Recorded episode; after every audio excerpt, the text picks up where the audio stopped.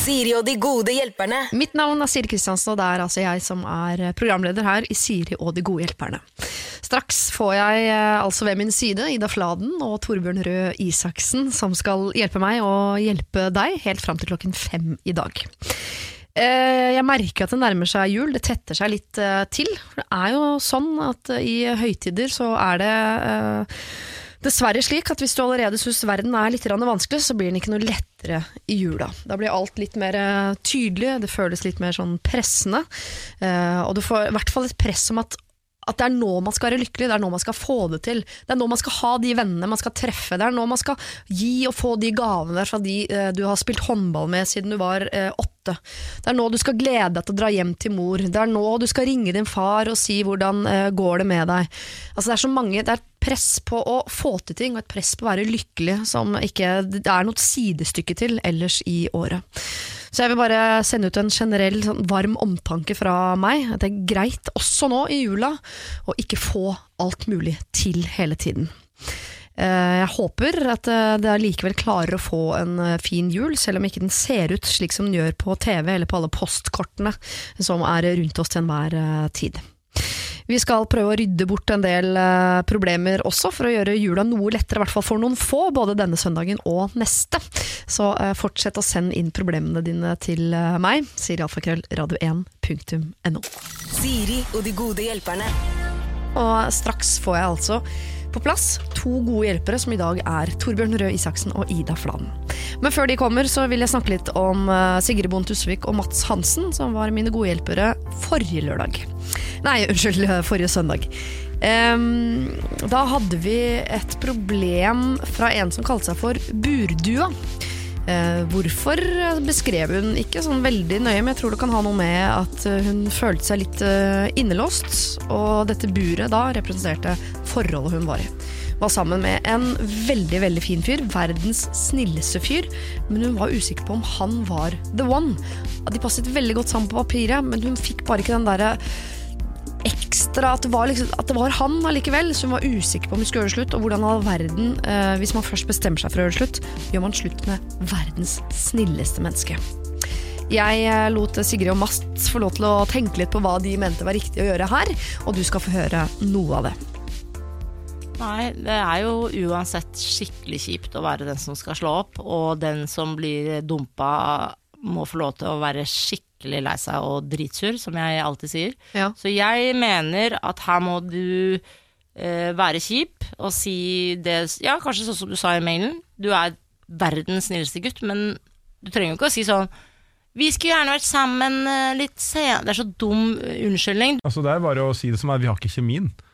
Men, ja, men hun Jeg eh, tror, fordi jeg tenker at Du skal jo ikke være slem mot verdens snilleste gutt, men du må jo fortelle han det, eh, det som er det folk flest sliter med å akseptere, nemlig 'jeg er ikke forelsket i deg'. det snakkes også om det å dra plasteret fort. Ja. Men jeg mener jo du må ikke nødvendigvis gjøre det. Kan du ikke dra deg litt sakte? Altså sånn, Hvis du er oppfører deg litt som en sånn hespetre et par måneder, da, så han tenker ah, hun der dama er jo ikke noe bra. Altså, Og han liksom tenker vet du hva, akkurat sånn hun oppfører, opp, oppfører seg nå, hadde vært litt deilig å være singel. Dette var da noe av det Sigrid Bonde Tusvik og Mats Hansen mente at burdua burde gjøre. Eh, hvis du vil høre resten, altså hele resonnementet, så må du laste ned podkast fra forrige søndag. Jeg har fått en ny eh, mail fra denne burdua, og eh, la meg si det sånn, dette har tatt en litt uventet vending, for hun skriver. Hei igjen. Tusen takk for at du tok opp problemet, eller akkurat mitt problem. Siden sist har det skjedd litt. Han eh, skal feire jul med meg og min familie, og snakker allerede seriøst om å flytte etter meg slik at avstanden ikke lenger er et problem. Så det skjedde vel egentlig det strake motsatte av det jeg ble rådet til å gjøre. Jeg vet helt ærlig ikke hva jeg syns, men føler at ting er litt bedre. Har også snakket med han om at det er vanskelig å være i avstand, og at det kanskje ikke er det beste for oss. Men vi får se hva som skjer, da. Akkurat nå så virker det i hvert fall som om vi holder sammen, selv om jeg er ganske enig med det dere sa i podkasten. God jul, Siri, med vennlig hilsen Burdua. Altså, eh, jeg klarer ikke å tolke her om det er konfliktskyhet, eller om det er den eh, jeg orker ikke å ta tak i det, jeg bare skyver det i hvert fall til andre siden av jul, tar det på nyåret. Eh, Han er jo så snill, eller om det er det at du egentlig er glad i han, du er bare litt rastløs. Jeg klarer, jeg får ikke helt liksom grep på hva du, eh, hva du vil, Burdua. Det er ikke sånn at man alltid skal gjøre det som virker riktig. Du må jo tenke på hva du vil også. Så eh, feir jul, kos deg. Eh, Se hva du tenker gjennom jula, hvis du kjenner på den derre Åh, han er verdens snilleste fyr, jeg vil bare at han skal gå bort. Så må du ta tak i dette her. Men du kan få en utsettelse på rådene du allerede har fått fra Sigrid og Mats. Og det er da altså til eh, medio januar.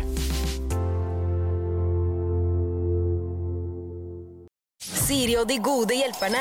Mail oss på siri at radio1.no. Og nå har de gode hjelperne kommet. Jeg har vært her litt eh, allerede, før dere eh, fant veien frem.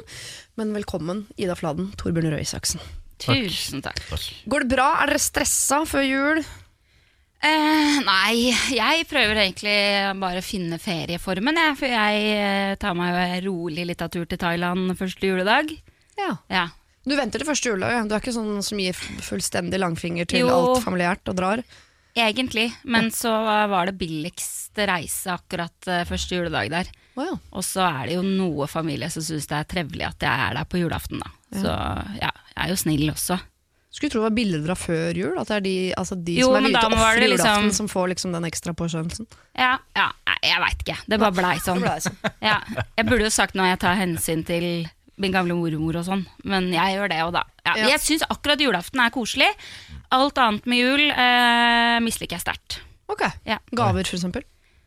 Ja, jeg er ikke glad i det heller, jeg. Nei. Det kommer til å bli juleproblemer i dag. Bare så Gjør det- det gjør det, ja. Cirka 50-50 eh, opp mot jul. Da skal jeg prøve ikke å være sånn veldig grinch. Nei. Hvis ikke du er eh, kvalmende kanskje, søt i andre Når du allerede har enden. snakka eh, jula etter de første to minuttene. For du er jula. en julekjær person. Jeg elsker jula. Ja, ja, ja. Og jeg kunne aldri Altså jeg kunne aldri tenkt meg å dra ut av Norge på julaften eller første juledag. Tredje juledag det føler jeg er første dagen jeg kunne dratt ut. Ja. Men da Så, syns jeg dere utfyller Jeg skal ta meg litt av tur til Porsgrunn i jula. Det blir koselig. Ja, det er snort, julenissen herfra, er det ikke snort det? som vi sier i Porsgrunn. Ja. Det betyr eh, liksom bra, ikke rart. Snort? Snort, ja. Mm. Snort snålere blir ikke enn å være hjemme i Porsgrunn i jula. Elsker jul. Nå, akkurat nå så er jo livet mitt eh, Nå forsøker jeg å balansere mellom julebord og juleavslutninger Ja. og det å hjelpe Erna Solberg med å styre landet. ja. Hva er viktigst nå Ja. for jul? Akkurat nå prioriterer jeg juleavslutninger. Få unger rundt Så får vi ta opp det styret. Det har gått så dårlig stu uansett, så vi tar opp det styringa igjen på januar en gang. Ja, ny start der i januar. Ny Start. Gir du og Erna julegaver til hverandre? Ok, spørsmål. Oi, det er morsomt spørsmål. Svaret er nei. Men, jeg får, men jeg får julekort. Ja. Eh, og så, så Det skulle kanskje bare mangle, men det er, hun, er veldig, hun er ganske flink til å sende julekort. Og Erna, eh, statsministeren, da, Ja, ja. min sjef, har også en sånn egenskap hvor hun, hun er ganske flink til å gi eh, komplimenter som allikevel er en litt sånn utfordring. Oh, Ja.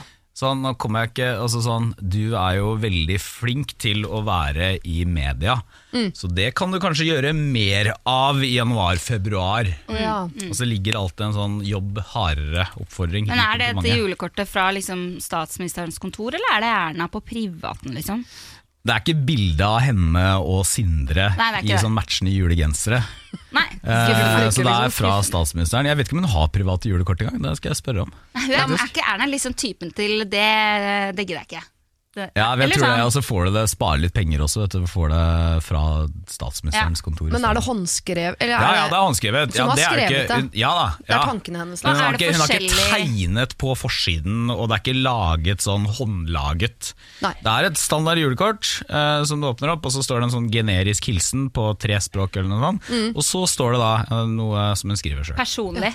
Ja, personlig, Ja, er personlig. men samtidig utfordrende. Ikke sant? Varmt, Mm. men litt sånn 'jeg følger med på deg'. Ja. Eh, ikke slapp av for mye, begynn å jobbe igjen ganske raskt. Dette er grunnen til at Erna ikke bare er vanlig mor, liksom. Hun er også landsmoderen. Ja. Eller nye, da, på en måte. Ja. Dere, Vi skal eh, som sagt ta noen juleproblemer i dag, men det blir vanlige problemer også. Det er ikke sånn at eh, folks problemer forsvinner bare fordi det blir jul. Snarere tvert imot. eh, De fleste eskalerer, for å være helt Ja, ærlig. Så egentlig burde vi hatt daglige sendinger her nå for, opp mot jul. Eh, hvis du som hører på har eh, egne problemer, så om det er julerelatert eller hva det nå måtte være, så eh, send det inn. Vi gir oss ikke før i romjula. For i år, eh, Siri alfakrøll radio1.no. Siri og de gode hjelperne. God jul, sier jeg. Jeg kommer til å si det hele tiden. God Jeg kommer aldri til å svare. Nei.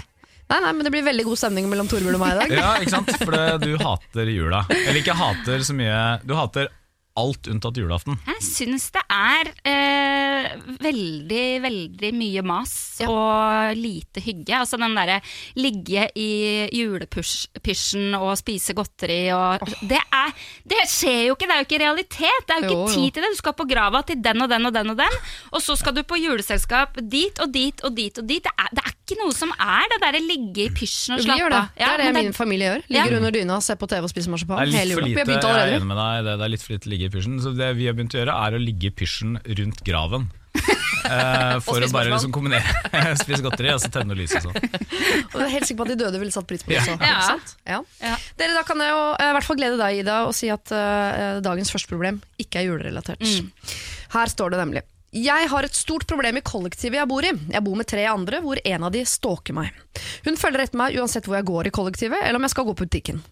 Det er faktisk på det nivået at når jeg går på vaskerommet, så går hun etter meg. Hun sier at hun føler at hun må passe på meg, og, spør tiden, og hun spør hele tiden hvor jeg skal og hva jeg gjør. I tillegg til dette presterte hun her om dagen eh, at hun filmer vanligvis alt jeg gjør, men her om dagen så eh, gjorde hun noe som fikk begeret til å renne over. Jeg lå på rommet mitt og sov, og hun går inn og filmer meg mens jeg sover på sofaen, og sender det rundt til andre på Snapchat. Det er i overkant creepy.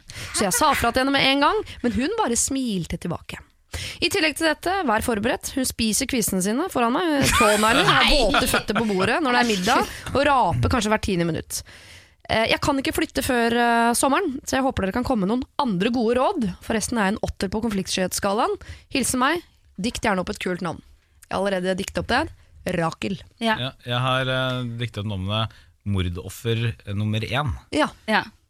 Jeg skjø altså, det hørtes nesten ut som dette ikke var eh, Altså dette var for mye til å være på ekte.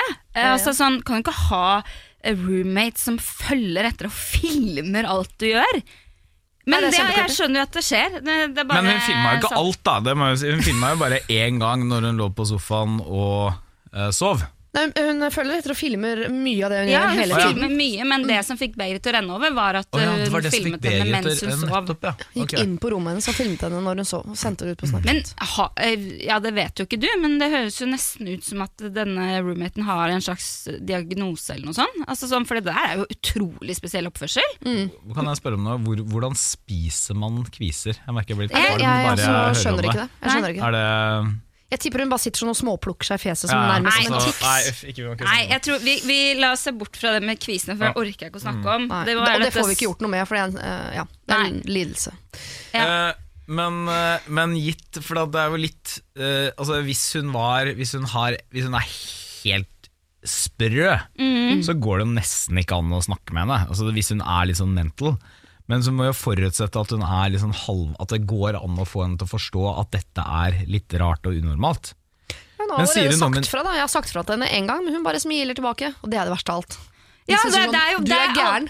De små tingene der som gjør at jeg spør om hun muligens har en diagnose. Da. Eh, men eh, ja, hun spør jo om hjelp, så da må det jo være mulig å eh, løse det uten å legge Men hun kan ikke flytte ut. Og så kan hun ikke Men hun sier jo, hvis vi skal eh, rydde vekk alle Ja. mord, Ja, er liksom eh. Ja. uh, og ikke si sånn 'kom deg ut'! Ja, hun har jo rydda bort kommunikasjon fordi hun er konfliktsky, så det er bare Ja. å droppe å, å si det. Og flytte har hun også tatt av ikke- bordet. Men uh, Uh, hun må jo, hun må jo altså Enten kan hun bare være inne på rommet sitt og låse døra. Ja, det må hun begynne med. Eh, men det høres jo, dette er jo et kollektiv, og det betyr at det er noen andre der. Mm. Og det kan jo være en vei til å løse dette. At hun allierer seg med eh, person nummer to eller tre som bor der også. Mm. Og så Jeg vet ikke akkurat hva de skal gjøre, men kanskje de En slags intervention, eller? Jo, ja, det er kanskje lettere. Da En slags intervention, ja. Altså kollektivmøte, liksom, hvor Ja. man tar opp dette Med alle fire. Men Ja. kanskje, kan si da, sånn, kanskje man kan ta opp flere ting, sånn at hun spør dem på forhånd sånn, du, Kan ikke du også si at jeg er for dårlig til å ta oppvasken? Og så kan vi late som vi tar opp bare forskjellige ting som Ja ja, vi har jo alle vårt, du er dårlig til å ta oppvasken, du Mm. renser ikke sluket, du følger etter meg på en manisk eh, måte og filmer ting jeg gjør. Ja, det er ikke så dumt. Så det er mye forskjellig. Ja. Men vi skal jo leve her i dette kollektivet. Og kanskje man også uh, før dette møtet skriver opp en liste med de punktene man skal gjennom, sånn at man ikke kan trekke seg. For det er jo typisk for konfliktsky å gjøre, er å trekke seg når, eh, når det gjelder. Ja. Hvis du allerede har skrevet på et ark stalking, så er det når det kommer Ja. til punktet stalking, da må du si noe. Og hun må, hun må få hjelp av de andre. Det er lov å be om hjelp hvis hun er ekstremt konfliktsky. Ja. Så forhåpentligvis er det en av de to andre i kollektivet. Det er ikke det. Og så kan hun gå til de og si du, hjelp, jeg har et problem, liksom. Kan du være snill og hjelpe meg å ta opp dette eh, på da et møte? Det må være lov. Men kanskje hun ikke skal si stalking, for kanskje hun heller skal hvis hun vil gjøre det enda litt lettere, si at hun har Du skjønner, jeg har et problem med sånne grenser. Det er bare meg. Så jeg, Intimsfære, ja, sånn intimsfære, selv om hun ikke er så, så jeg trenger litt mer sånn rom. Det er bare sånn jeg har vært siden jeg var liten, eller et eller annet sånt. Ja, at Sånn at jeg har ikke, for hvis du sier at du stalker og meg, så blir det jo veldig konfliktfylt, da. ja. Ja, jeg er enig. Samtidig så fortjener jo hun å høre det, at det ikke går an å oppføre seg sånn, tenker jeg da. Men kanskje hvis hun legger problemet på seg selv. Jeg Ja er privat, jeg er eh, Ja. sky, jeg vil Altså, ikke være dette høres jo internett. kjemperart ut, men jeg liker faktisk ikke så godt når noen følger etter meg hele tiden og filmer alt jeg gjør. Så det er, det, jeg vet og skjønner at det er mitt problem. Jo, men altså, eh, det kan hende at det er det som funker. Ja, og så får hun vite opp i hodet at dette er overhodet ikke mitt problem, men jeg kan late som. En liten stund, i hvert fall. Ja, hun blir nødt til å si fra om det her. På en eller annen måte utfordre seg selv litt på konfliktskyheten, og få hjelp av en av de andre som også bor der. Ja. Da er det det vi foreslår. Rakel, eh, Torbjørn, Ida og jeg mener at du en eller annen gang før jul helst eh, skal eh, lage en intervention med de, resten av bokollektivet. Sett dere ned, dere må ha en liste over temaer dere skal gjennom. Alle må få refs, alle må få ros. Men dere skal innom det du jo egentlig vil si fra om her. Dette med intimsfære. Og si gjerne at det er ditt problem. Det er ikke noe i veien med hun. Det er Rakel som har problemer. Og Ja, etter det så kan du ta deg en liten tur til Thailand eller Porsgrunn. Jeg har tatt Porsgrunn. unna Jeg har vært begge steder. Foretrekker Porsgrunn. ja. Sorry, Ida. Jeg har ikke vært i Thailand, ikke Porsgrunn heller, så jeg vet Ja, egentlig da har du langt, godt liv foran deg. Siri og de gode hjelperne. Søndager fra to på Radio 1. Eh, for dere som ikke ser meg, så ser dere ikke dette som du smiler litt av nå, Ida. At jeg må knipe øynene hardt sammen hver gang jeg sier min egen mailadresse. Ja, Ja. Du har jo hatt den en stund nå. Ja, men jeg må Jeg skjønner vanskelige ting, men enkle ting eh, Det er akkurat som hjernen min, bare enkle ting gidder jeg ikke. Mm. Så det glipper. Ja. Nei, men du, du klarte deg fint nå, altså. Ja. Men det ser ut som jeg har et bitte liten uh, At jeg slår meg bitte lite grann hver gang jeg skal si min egen mailadresse. ok. Vi skal videre til en som heter Hanne. Uh, hun har sendt inn uh, et problem som er som følger. For to og et halvt år siden fant jeg den beste mannen jeg vet om. På den andre siden av landet. Tiden har gått, og jeg liker han enda bedre, og jeg er klar for å flytte dit han bor for å ta forholdet til et nytt nivå. Utfordringen min er at det har kommet fram at kjæresten min ikke er så opptatt av å få barn. Han mener rett og slett at han har blitt for gammel. Han er 33. Selv er jeg 30 og trodde vi hadde god tid. Så hva gjør jeg med denne kjæresten? Skal jeg gi opp drømmen om barn? Dere kan kalle meg Hanne. Jeg kan si, jeg har kortet dette ned noe. Hanne skal flytte dit uansett. Hun har venner og familie, og sånn der, så hun skal på en måte flytte hjem til stedet hun kommer fra. Der bor denne kjæresten. Så hun vet at hun skal flytte dit, men hun vet ikke hva hun gjør med denne typen som har sagt at Han er for gammel til å få barn, men han er jo ikke det. Han er jo 33. ja, det synes jeg var eh, altså, Det er jo nedslående nyheter i så fall. eh, Ja. For meg personlig, som er eh, 32 og kvinne i tillegg. Ja. Så hvis en mann på 33 er for gammel til å få barn, da Det går jo ikke an. Nei. Men det er en unnskyldning han har valgt, da, ikke sant? Ja. og det er jo antakeligvis fordi han av en eller annen grunn ikke vil ha barn, og så har han valgt det som sin unnskyldning. Ja, det er, men, men hva var det du sa, at hun skal flytte dit uansett, ikke nødvendigvis til han? I utgangspunktet skal hun jo det, men det hun spør oss om, er har jeg en framtid med en mann som ikke vil ha barn, når jeg selv vil ha barn. Det kommer jo helt an på hvor eh, viktig det er for henne. Eh, det med barn, Ja. hvis det er noe hun virkelig vil ha, da er det jo i utgangspunktet uaktuelt, eh, mener jeg. Hvis han er sikker på at han ikke vil ha, men så er det jo det der kan han på en måte eh, snakkes eh, til det, da. Ja. Men jeg tror, eh, for det er selvfølgelig viktig, som Ida sier, det er jeg helt enig i. Og så Men så tror jeg altså det handler litt om, sånn hvis du skal leve med dette resten av livet, så handler det litt om eh, grunnen til det. For hvis han sa for eksempel at vet du hva, jeg kan ikke få barn. Sant? Så er det ikke sikkert at du ville da sagt Ja, vet du hva, da blir vi ikke sammen, for jeg vil ha barn. Eh, så, ikke sant? For da er det et eller annet med sånn naturen har gjort det på denne måten. Jeg elsker deg likevel, så da Det kan du da leve med om uh, 20 år, da. Men hvis det er bare at han har ikke så lyst, så tror jeg kanskje det er litt vanskeligere. Én ting er nå, én ting er når du er 35, men kanskje den dagen du blir 45, da, og det er for seint å få barn, så vil kanskje den bitterheten komme, og det vil være ekstra vanskelig å håndtere fordi han bare ikke har hatt lyst. Jeg tror i hvert fall det som nå er utfordringen Altså Det har kommet frem at kjæresten min ikke er så opptatt av å få barn. Eh, Der må noe mer fakta Altså Dette her må det en ordentlig samtale eh, fram. Altså Betyr det at du ikke skal ha barn? Hvorfor? For jeg tenker at det er ikke Alle trenger ikke få barn. Altså Flere Nei, burde du ikke få barn. Men hvis hun vet at hun virkelig vil ha barn, at det er veldig viktig for henne, og han vet at jeg skal aldri ha barn, Mm. da kan de jo ikke være sammen. Da. Nei, for det virker jo som at de kanskje ikke har hatt den eh, samtalen på et veldig sånn seriøst nivå, når måten hun ordlegger seg på er sånn Det har kommet frem at han ikke er så opptatt av Ja, for det virker som hun har hørt av noen andre. Ja, ja, litt sånn sagt i forbifarten eller hørt det via noen andre. Så her er det åpenbart en uh, ordentlig samtale som må til. Og det kan jo hende at han ser annerledes på det hvis uh, hun sier altså for meg er det veldig viktig. Jeg har kjempelyst til å uh, skape en familie med deg. Ja. Og da er han sånn ja. Jeg er ikke 100% imot det, og jeg vil jo eh, at du skal være lykkelig, og det blir sikkert fint å få barn med deg. Men at det er mer sånn hvis han Eh, hvis hun hadde vært sånn Ja, eh, jeg vet ikke, det er ikke så viktig for meg, så er det kanskje ikke så viktig for han heller, men nå skravler jeg, nå hører jeg, nå går det i 190 her. Men dette er jo eh, Dette er jo relevant problemstilling da, eh, for meg, på en måte. Eh, så jeg tror her må det være en ordentlig samtale til, og jeg er ganske sikker på at hvis hun legger fram som at det er noe som er veldig viktig for henne, og hun har kjempelyst til å skape en familie med han, så tror jeg det er eh, håp jeg, for at han kan bli med på det. Jeg gikk fra eksen min en gang pga. dette. Fordi Ja. Uh, ja, altså jeg hørte Han snakka med en kompis i fylla, jeg satt ved siden av. Så han sa jeg skal aldri ha unger. Ja. Og når vi kom hjem derfra, da, så eksploderte jeg. For jeg sånn, nei, og jeg visste ikke sjøl om jeg ville ha unger, men når jeg hørte at han ikke skulle ha, Ja. så merka jeg sånn Ja, men det skal jo jeg. Så var jeg sånn, Men da har ikke vi noe framtid. For to mennesker hvor den ene skal ha, og ikke den andre, de kan ikke leve sammen. Det sier Nei. seg sjøl. Vet du hva, Og da måtte jeg, jeg- gå fra han. Jeg ville utsatt det, hadde jeg vært henne.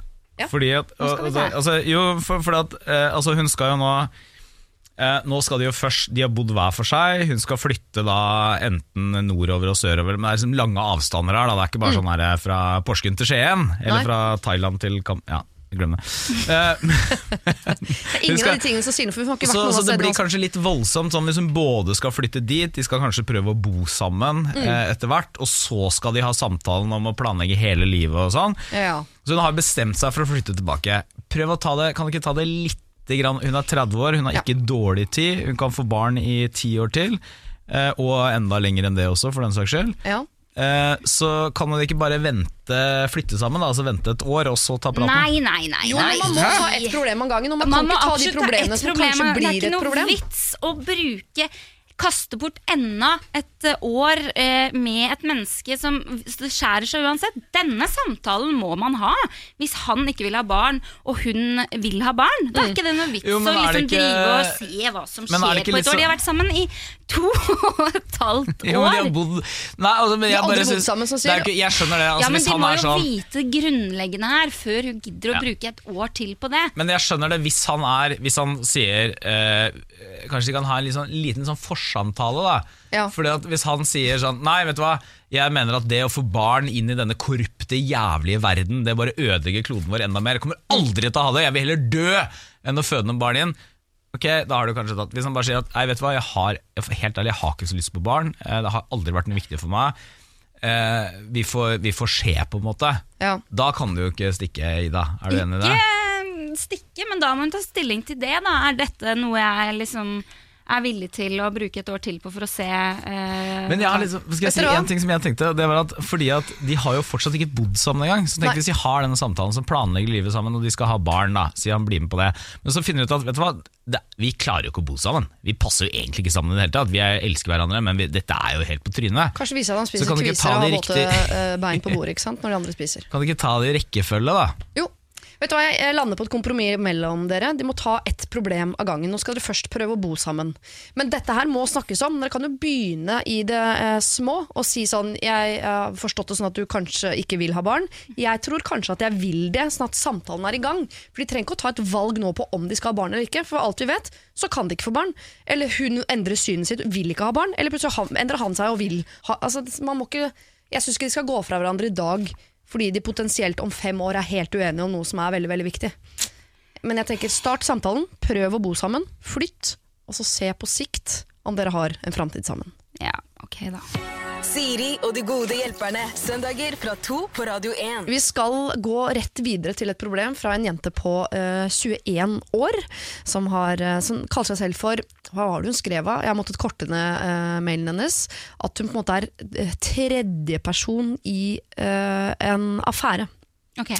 Med meg i dag har jeg Ida Fladen og Torbjørn Røe Isaksen, og la meg beskrive litt tydeligere. Jeg er en 21 år gammel jente som i vår jobbet sammen med en fyr om et kreativt prosjekt. Han er en del år eldre enn meg, 16 år eldre, og han var i et forhold, og er det fortsatt. Etter hvert spurte han meg om Snapchat-kontoen min, og jeg forsvarte det med at ja, da kan vi oppdatere hverandre om prosjektet der. Så eh, de ga hverandre Snapchat-kontoinfo, eller altså la hverandre til, som det heter, eh, kort. Samtalene ble etter hvert mer og mer personlige, og han innrømmet at han kjente på en slags spenning og forvirring rundt vårt forhold. Vi ble enige om å møtes, men før det var jeg veldig opptatt av å være sikker på at dette var noe han gjorde fordi han var eh, usikker i sitt forhold. Ikke fordi han trengte et eventyr, for jeg ser egentlig veldig, veldig ned på utroskap. Så møtes vi da, tilbringer en natt sammen, og det var fantastisk. Det var vi begge enige om. Jeg reiste fra han med et håp om at han skulle ta grep, men jeg uttrykte det ikke tydelig, for jeg ville ikke dra han i noen retning, så jeg pushet aldri, jeg startet ikke en samtale, jeg tok ikke initiativ. Etter et par uker snakker vi sammen på telefonen igjen, og jeg var veldig tidlig ute med å presentere at det enkleste her vil være at han bare ble der han var. Så han sa seg enig i det. Så nå vet jeg aldri hvordan den samtalen ville ha gått hvis ikke jeg sa det først. Jeg har prøvd å tenke at jeg skal være raus her, komme meg videre, unne dem et lykkelig liv sammen. Men så sitter jeg her da, et halvt år senere og er fortsatt litt bitter. Fordi det ble så enkelt for han. Jeg fikk jo aldri greie på hans tankeprosess i dette. Jeg gjorde det jeg gjorde fordi jeg følte at det var spesielt, og fordi jeg trodde det kunne ende annerledes. Kan vi prøve å bli klokere sammen? Hilsen dumme meg. Jeg kortet ned denne mailen. Altså hun har forsvart det i et enormt Word-dokument, hvor mye hun liker denne mannen, og uh, hvordan dette bruddet har vært hardere for henne enn eh, gutter hun har datet i årevis. Altså hun er hun, hun Hun elsker denne mannen. Hun har kjærlighetssorg. Ja. Og hun føler at de fikk aldri hatt en ordentlig samtale. Kan hun ta den nå? Eller har toget gått? Jeg tenker jo, det er jo mulig, men først og fremst tenker jeg om denne mannen får et rasshøl. Ja. Ja, altså Han har jo vært utro med, eh, med kjæresten sin, og så eh, helt sånn grunnløs. Det var ikke at han liksom å, ble stormende forelsket i en annen og eh, måtte liksom sjekke om dette var verdt å gå fra. Altså, jeg bare øh. Men det vet vi jo ikke. Tenk hvis han ble stormende forelsket og tror at, Ja, nei, vet du, da- du, denne jenta på 21 Hun sier at det er best at jeg bare blir der jeg blir. Ja, greit, men han er fortsatt et rasshøl, for han har vært utro. Ja, Ja. jo da. Ja. Eh, ok, kan de ha den samtalen nå? Vent, da, her trenger vi litt livserfaring. Ja, for det er veldig Men nå skal jeg bare si bare én ting først. For det at, eh, og det er sånn Hvis man ikke har lyst til å være utro mm. Så En ting er selvfølgelig at man bestemmer seg for å ikke være en sånn person som er utro. Men noe annet er ikke gjør alle de der tinga som leder opp til det. Ikke sant, du skjønner sånn, Er Ikke du på nachspiel ja, ja. ikke, ikke begynn på Snapchat, ikke møtes alene under påskudd av å skulle snakke om noe fra jobb når du vet at det er en spenning der. Ikke dra på det nachspielet bare dere to, selv om dere egentlig bare skal snakke ut om spenningen og ikke noe skal skje. Bare ikke gjør det. Nei, Ikke det er masse er det helt- exit underveis her ja, ikke sant? Men så er det helt umulig ja, og jeg, altså, Så er det helt umulig å vite hva han tenker rundt det. Ikke sant? Så, så for, for det, og det gjør det litt veldig vanskelig å svare på. Et veldig godt uh, spørsmål eller problemstilling. For at jeg, min første tanke var sånn pass deg så du ikke blir en stalker. Ikke Ja. Pass deg sånn at du ikke blir den som altså, hvis, hvis du ser for deg, da si, Se han sånn, han skjønner Vet du hva, jeg dreit meg ut. Kanskje han til og med Skal vi male opp han pent, da. Kanskje han til og med har sagt det til kjæresten sin. De har hatt det veldig vanskelig, eh, men hun har tilgitt ham. De har nå gått videre. For det er tydelig at han har ikke tatt kontakt tilbake, så han har ikke fortsatt noe sånn flørtende tone eller noe sånt. Nei. Og så skal hun liksom komme inn igjen. Det er den ene siden. På, på den andre siden så er det sånn hun har jo, hun har jo på en måte litt krav på Ja. Det er litt jeg føler litt med henne også. Hun har jo på en måte krav på et svar, men det hun kommer til å gjøre, det er jo å gjenåpne dette. Og hun må være veldig klar over da at det kan fort hende, hvis han ikke er en sånn framifrå fyr, da. Som sier sånn Nei, jeg vil være med min kjæreste, og jeg syns du er fantastisk, men det er det jeg velger. Så kan det godt hende hun ender med å bli gående i år etter år og vente på en løgnaktig type som sier han skal forlate kjæresten sin, men aldri gjør det. Nei. Da blir du den derre forsmådde på si. Og det har du ikke lyst til å bli, altså. Nei, men hun har det jo Hvor lenge er det siden dette? Det er et halvt år siden Ja. dette skjedde. De har hun- ikke jobbet seg, altså Prosjektet er ferdig, så de har ikke noe med hverandre å gjøre. De har ikke snakket sammen, møtt hverandre, ingenting. Men, Men hun, hun har jo skikkelig kjærlighetssorg, Ja. og hun trenger åpenbart å måtte få noen svar eh, på hva det var som skjedde der. Jeg tenker at eh, eh, jeg ville eh, jeg håper invitert til en prat og håpet å få til svar. At dette var et stort feilgrep fra min side. Eh, eh, beklager, for at det da Sånn har jeg gjort da, når jeg har hatt kjærlighetssorg og sånn. At man, man må bare høre det, svart på hvitt. Jeg har ikke tenkt noe mer på deg. Dette er helt uaktuelt. Det var en stor feil av meg. Jeg beklager. Da kan du gå videre. Ja, for det er jo ofte at man ikke klarer å gå videre i en sorg, eh, kjærlighetssorg spesielt fordi man blir sittende igjen med masse spørsmål. Ja. Så jeg har alltid de gangene eh, alle, altså alle de gangene jeg har dumpet folk, nei, jeg tuller, men de gangene jeg har vært den som har dumpa, så har jeg vært veldig sånn tilgjengelig for Hvis du lurer på noe, Mm. om det så er om et halvt år, og du lurer på at, om det er fordi du hadde kvise på rumpeballen, så spør! Fordi Mm. Ja. det kan jeg svare på, og så kan du gå videre. Og jeg tenker at hvis den jenta her skal kunne gå videre, så må hun kunne kreve svar av en mann som jo har om det så bare var for en natt, så har han eh, involvert seg i et forhold som hun fortsatt sliter med. Yep. Men jeg tror jeg er uenig, og det er for Ja. at jeg syns det jo, og det, jo, men, det, jo, men hør da, og, det, og det er for at jeg syns det virker på henne som det hun egentlig ønsker, Ja. ikke er svaret, men en grunn til å ta kontakt med han igjen. Ja da. Det er mulig at jeg psykologiserer henne for mye nå, men hun er kjempeforelska. Mm. hun lurer på kan det være at han hadde noe for meg. Men, men still deg da spørsmålet. Da. Altså, hvis han, for det første, vil du bli ferdig med det hvis han sier nei, jeg oppfattet det var en feil?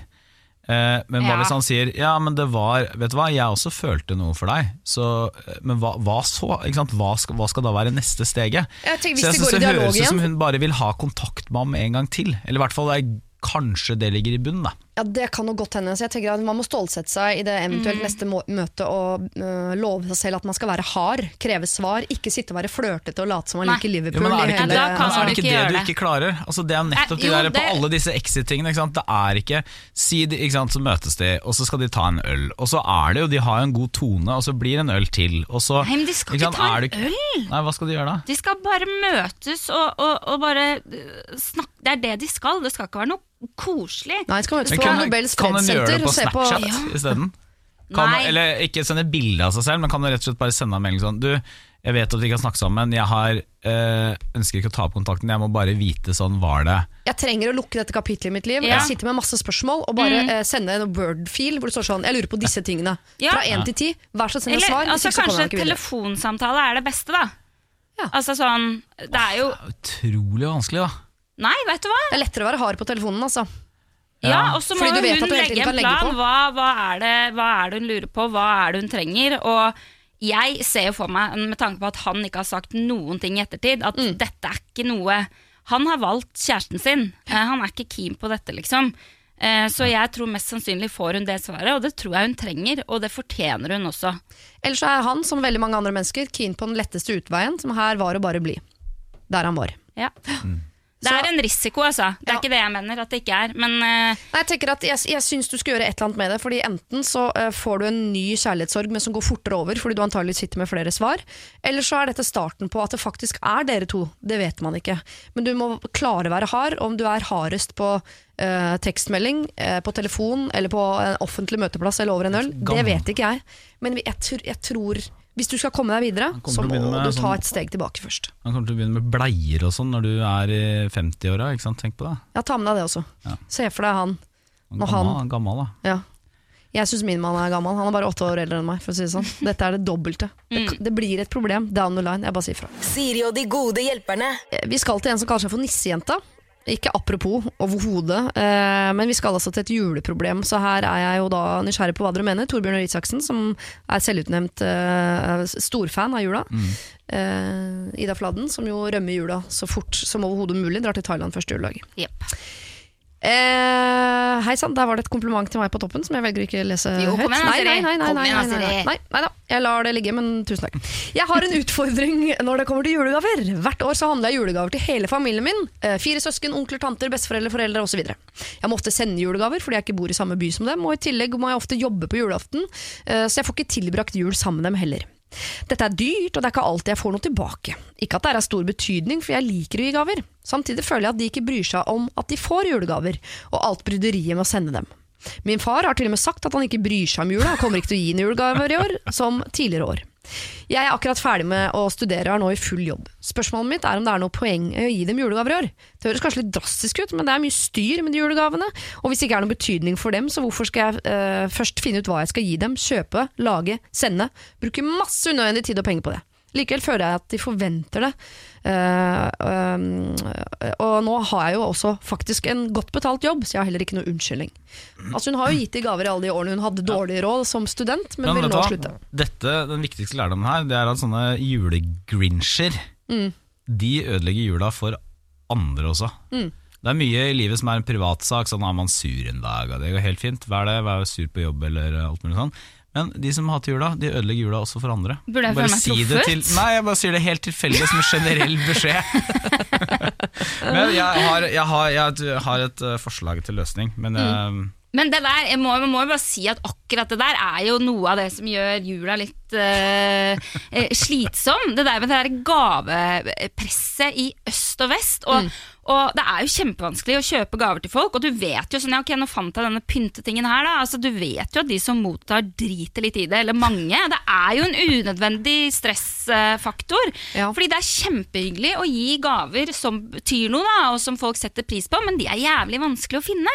Ja. Så jeg skjønner jo liksom problemet, men Torbjørn, du, jeg ville bare si nei, det. for, men jeg, Jeg tipper fasiten du tror Ja. du sitter på handler om å begynne å sende julekort istedenfor, ikke sant? Ja, altså noe à la noe à la det, men jeg er faktisk, altså akkurat det gavegreiene er jeg litt enig i. Ja. For at hvis man, altså hvis man er sånn altså Jeg skjønner jo at hun ikke syns det er lite givende når hun ikke får noe tilbake. Samtidig så sier hun at hun liker å, hun liker å kjøpe gavene. Hun liker sikkert også? Det er jo hyggelig å føle seg omtenksom. Ja, men når du skriver Eh, 'jeg liker å gi', da tenker jeg sånn, hvis ja. du skriver det, da må du mene det. Da kan du ikke uh, i setningen foran og bak sutre over at ikke du får. Så enten du må nei, bestemme deg for om du faktisk er, liker å gi eller ikke. For jeg oppfatter ikke at hun sutrer over nødvendigvis at hun ikke får gave, men at hun ikke får noe takknemlighet heller for at hun gir gaver. Og der er jeg veldig, sant? det er veldig helt lov å si sånn, vet du hva, jeg, jeg kommer ikke til dine gaver, men jeg syns det er så koselig Trine, at du sender de gavene, og mamma og jeg setter ordentlig pris på det. Mm. Men jeg tror løsningen er jo å prøve å altså, finne noe litt enklere. Kan man, kan man gå fra gave til en julehilsen?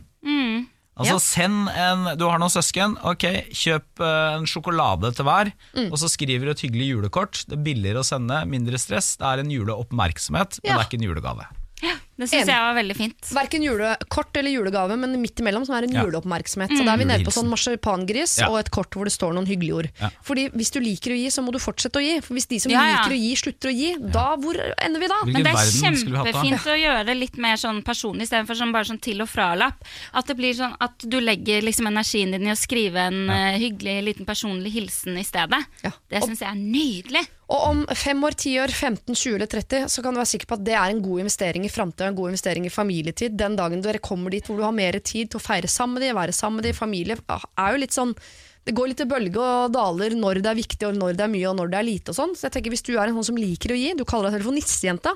Nissejenter gir gaver, altså. Ja, det gjør de. Ja, men i år skal du ikke gi gave, da. Du skal gi en juleoppmerksomhet. Siri og de gode hjelperne. Mail oss på siri at radio1.no. Jeg har med meg Torbjørn Røe Isaksen og Ida Fladen i dag, og jeg må bare gjøre dere oppmerksom på at nå skal vi antageligvis, eh, vil jeg tro, til det tyngste problemet i dag.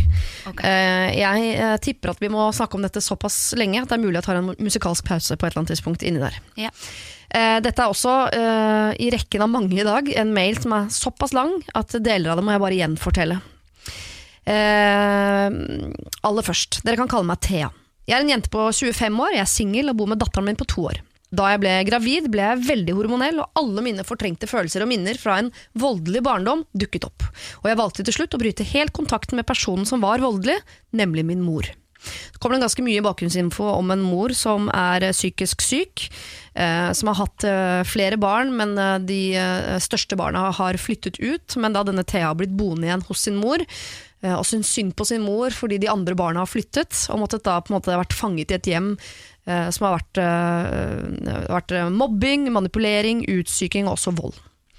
De gode sidene ved henne gjorde det vanskelig for meg å bryte med henne, men som sagt ble eh, følelsene og minnene for store til å håndtere dette da jeg ble gravid.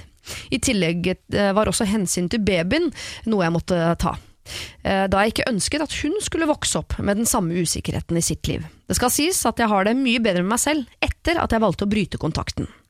Hun er alene med datteren sin. Barnefaren er i, bildet, men hun bor der han bor, så det er bare hans familie som bor der. Så hun har ikke noen, hun har ikke noen søsken, familie, venner. Hun har bare han, som jo sikkert er Men hun føler ikke at hun kan bruke Men de er bruke ikke sammen.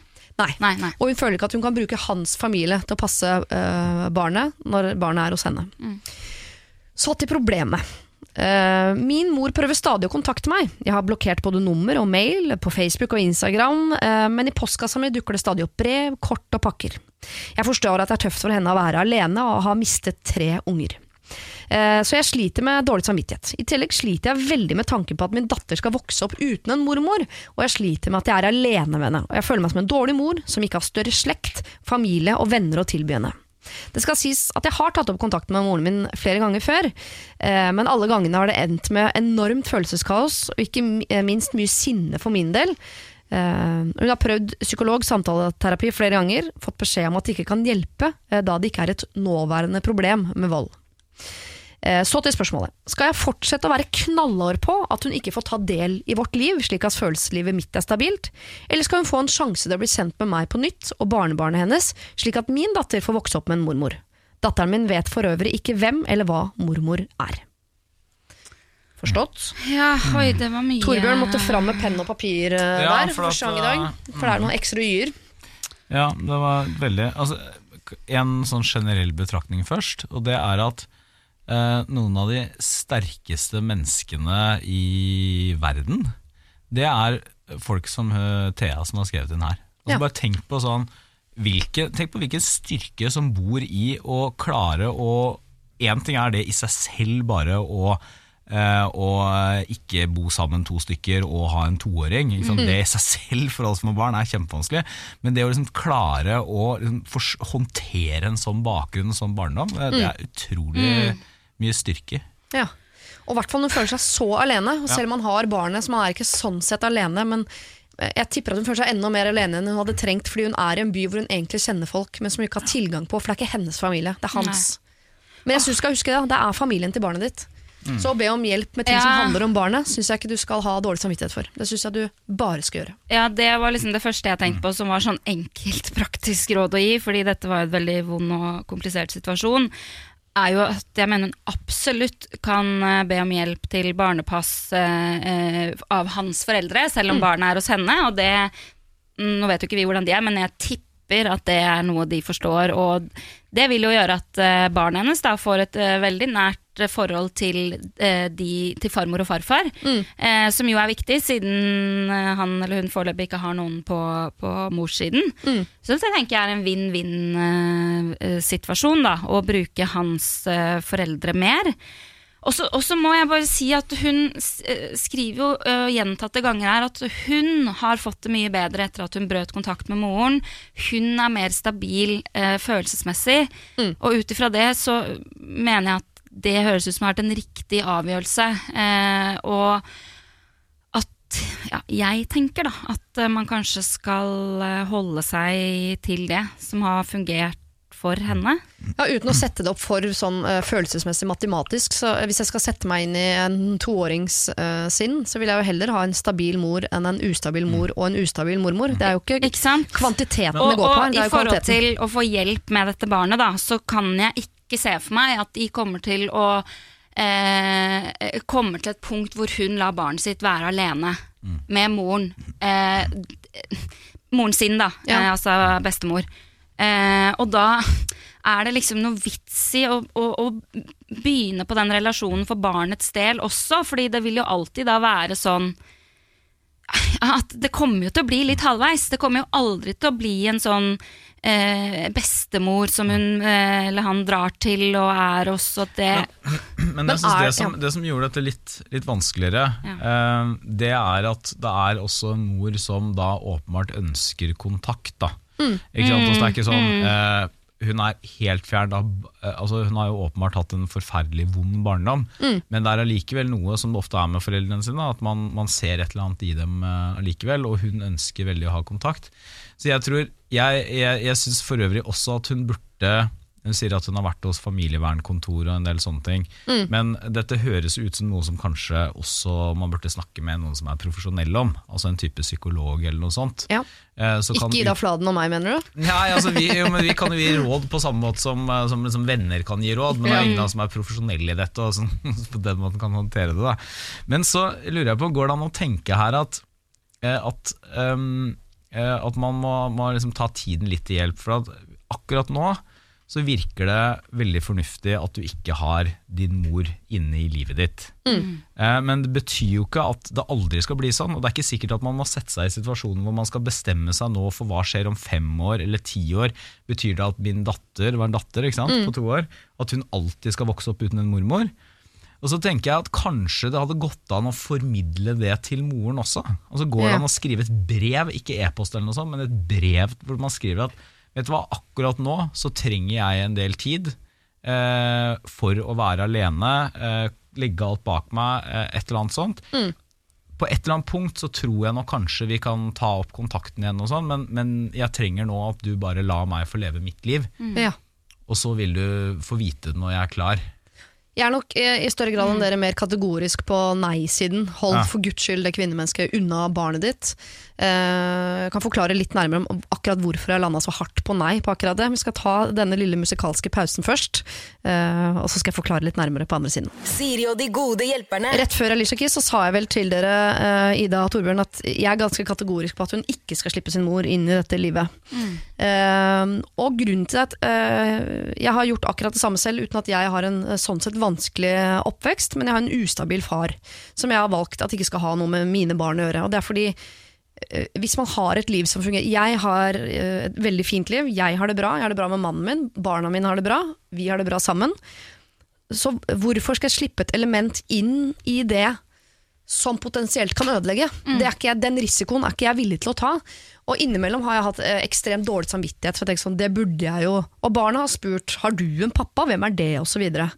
Men det er lett for meg å forklare de hvorfor ikke han er sammen med oss. Eh, Det finner man en forklaring på. Jeg har forklart sånn han han er litt syk, han kjenner ikke vi så godt. Og det, det godtar de, for de er jo ikke vant til å ha en bestefar. Så de godtar den forklaringen. Så kanskje jeg må utbrodere den noe etter hvert som de blir eldre. Men de savner jo ikke noe de ikke har hatt.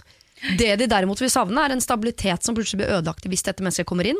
Eller hvis han kommer inn og forsvinner igjen, så vil de savne det. Altså jeg tror det å bringe noe veldig veldig usikkert inn i et liv som i utgang allerede er skjørt, den risikoen syns ikke jeg det er verdt fordi man sitter med en dårlig samvittighet. Og ja, det er tøft for moren, men livet til moren er tøft fordi hun så helt sikkert har hatt en forferdelig oppvekst selv, hva vet jeg. Men hun har tatt noen valg i sitt liv som gjør at, eh, at sånn blei det ikke. Og her er det jo på en måte, eh, vil jeg si, eh, kanskje best å lytte til deg, fordi du har den eh, eh, ganske lignende eh, erfaringen da, og problemstillingen Mm. I forhold til din far. Det som er forskjellen her, er jo at eh, eh, faren din bor jo i et annet land og driver ikke, og, du får ikke masse eh, brev i posten og telefonsamtale fra han, eller gjør du det? Fikk det en stund, ja. Ja. Det, men det gir seg, da. Og da gir den dårlige samvittigheten seg også. Sa, sa du ifra til han slutt med det? Ja. Ja, og da sluttet han. Ja, kanskje det da. For jeg skjønner jo at det at moren til Thea da, til stadighet prøver, eh, det gjør jo at dette konstant blir en påminnelse og et dilemma. At hun ikke liksom får tatt en avgjørelse, og så holder det seg sånn. At hun hele tiden blir påminnet dette, da. Eh, så hvis hun vil på en måte velge det som eh, du har gjort, da, Siri, eh, at hun vil fortsette å ikke ha noen kontakt, så må hun i hvert fall gi en tydelig beskjed Ja. eh, til sin mor da, eh, om at dette vil ikke jeg, og du må slutte å prøve. Ja, for har jo, Hun har tatt opp kontakt med sin mor tre ganger. er sant? Da gir det jo hele tiden på en måte en sånn jo da, kanskje. Nei. Ja. Jo da, kan, Det er jo litt som et uh, annen type brudd, hvor man sier sånn kanskje om noen år så kan det bli oss igjen. Mm. Nei. Men du mener at, du mener at eh, Så det betyr egentlig at det rådet som jeg forsøkte meg på, var kanskje det verste av alle verdener, da. For jeg sa jo sånn, går det an å ut Eller går det an å si til mor sånn Kanskje en dag så, men ikke nå, gi meg fred og Kanskje det er riktig. jeg, jeg er helt enig at hun skal ikke, man skal ikke, altså, ikke Akkurat nå så er det henne og datteren som er det viktigste. Det finnes ingenting annet som er viktigere enn det. Eh, og, og man skal åpenbart ikke gjøre det fordi man har dårlig samvittighet samvittighet for sin mor. Det er, det, det, er, Feil grunnlag. det er lov å passe på seg selv. Ikke sant? Og det er lov, særlig når du har et barn som er så avhengig av at du skal ha det bra og fungere og være i vater og sånn. Og så tror jeg man noen ganger blander dårlig samvittighet med bare det å være empatisk. For det er klart at man klarer å si at 'jeg syns synd på dette mennesket, hun har det vanskelig'. Det er ikke nødvendigvis at man skal ha dårlig samvittighet. Det betyr bare at du er et menneske med følelser. Men det betyr jo at, for hun skriver vel egentlig at selv om hun har dårlig samvittighet, som jo er, som du sier nå, helt naturlig, og det er, eller empatisk i hvert fall, hun føler for sin mor, som er helt naturlig, så sier hun jo at hun har det bra, og hun lever jo egentlig godt med dette. Hun trenger jo flere mennesker i livet sitt, flere mennesker rundt dette barnet antageligvis, men jeg tror ikke det er moren. Nei. Det jeg spør om er egentlig, Skal jeg fortsette å være knallhard på at hun ikke får ta del i vårt liv, sånn at følelseslivet mitt er stabilt? Ja. Men da er vel svaret ja. Ja, svaret er ja. Og så gjøre det på en, på en liksom ordentlig måte, sånn at uh, det blir tydelig for moren hennes og for henne selv, og at man slutter å få de der påminnelsene via at moren tar kontakt. Da. Det må Jeg mener det er det beste rådet. Jeg var ikke meningen å hjernevaske dere på det, for det, jeg vet at det er mange som er veldig uenige med meg om måten jeg jeg- gjør på. Så, Nei, det var jo det første jeg tenkte på. Hun presiserte jo at hun har det veldig fint nå. Ja. Dette funker veldig bra. Jeg er liksom ikke følelsesmessig ødelagt lenger, som jeg var da jeg hadde kontakt med min mor. Mm. Og da mener jeg at uh, da må man bare fortsette på det med det som funker. Og ass. så, men, eh, men uh, svelge litt av stoltheten når det gjelder at du må takle alt alene. Ja. For da er det lov å spørre svigerfamilie, selv om dere kanskje har en, om det er en uke hver, eller hva som nå er fordelinga. Det er lov å spørre svigerfamilie. Og så kanskje prøve å se om det er en eller annen eh, 15-åring i nabolaget da, som får en rimelig penge innenfor den skattefrie grensa på 6000 kroner. Sånn at det blir helt hvitt. Kan sitte barnevakt en gang iblant. Praktisk råd. Eh, Thea, du skal bruke det lille overskuddet du har på å knytte til deg uh, gode personer i ditt liv og barnet ditt sitt liv. Du skal ikke bruke det lille overskuddet du har som alenemor til en toåring uh, på å få bort dårlig samvittighet, hjelpe en som ikke har hjulpet deg osv. Det syns jeg ikke. Jeg syns du skal fokusere på deg selv, datteren din, og ikke ha dårlig samvittighet. Siri og de gode hjelperne. Vi skal til en uh, som har sendt inn uh, et problem uten å legge ved navn, og da er vi jo så heldige at vi kan uh, lage det navnet. Har du et forslag, Ida, før problemet leses opp? Hva med eh, Nei, nå, jeg mista det. Falk? Fa Falk. Er det gutt eller jente? Det er jente, ja. Ah, ja. Eh, Det kan være jentefalker òg. Fia? Falk og Fi- Fia. Ja. Vi tar Fia. Fia ble 30 år eh, i fjor. Jeg hadde ikke tenkt å markere det, men jeg ble offer for et surprise party. Jippi! Eller? Hun som dro i gang dette surprise party er ikke min nærmeste venninne. Ingenting på den festen representerte meg. Jeg går med gode sko og bruker sekk. Hun laget cupcakes og hadde med lipgloss til alle. Det var hennes fest. Hun ba til og med sine venner. Tre av oss i gjengen har blitt utsatt for det samme, og det er sikkert hyggelig ment, men samtidig blir det bare feil. På begynnelsen av neste år er det hennes tur til å bli 30. Samvittigheten min sier 'lag en fest', men trassen sier 'gi nå faen'. Jeg tror hun forventer det, men hva syns dere? Da kunne hun jo på en måte laget uh, Fia, da, eh, som har sendt inn problemet. Eh, Da er det jo fristende å bare lage en fest i Fias ånd, da. Kjøre ryggsekk og lave sko, og eh, at hun da tar en og Men blir lager det noe fest av det, liksom? Blir det fest bare du har ryggsekk og lave sko, spør jeg. Nei, Du kan jo leie en uh, lavvo et eller annet sted ute i Ja. skauen da, og ha gløgg med sprit og Jeg tenker at uh, oh, tror, Men ja, tror du hun venninnen forventer dette? da? At nå skal Fia lage fest? Har du opplevd det samme noen gang? At noen har arrangert noe for deg som er som ikke deg? Eh, nei, men jeg har opplevd at noen har eh, arrangert eh, kjempe sånn stor eh, surprise 30-årsbursdag. Eh, det var da ekskjæresten min og en venninne, og dette var sånn ordentlig eh, rigg, da. Eh, og da følte jeg liksom på at eh, om jeg da må, er jeg nå forpliktet til å gjøre det samme tilbake. Eh, da kan jeg si at det, det dreit jeg. Ja. Det gjorde jeg ikke, fordi jeg hadde ikke det, det i meg. Nei. Så det er kanskje det rådet jeg kan gi til eh, Fia, da, hvis ikke hun er keen på det.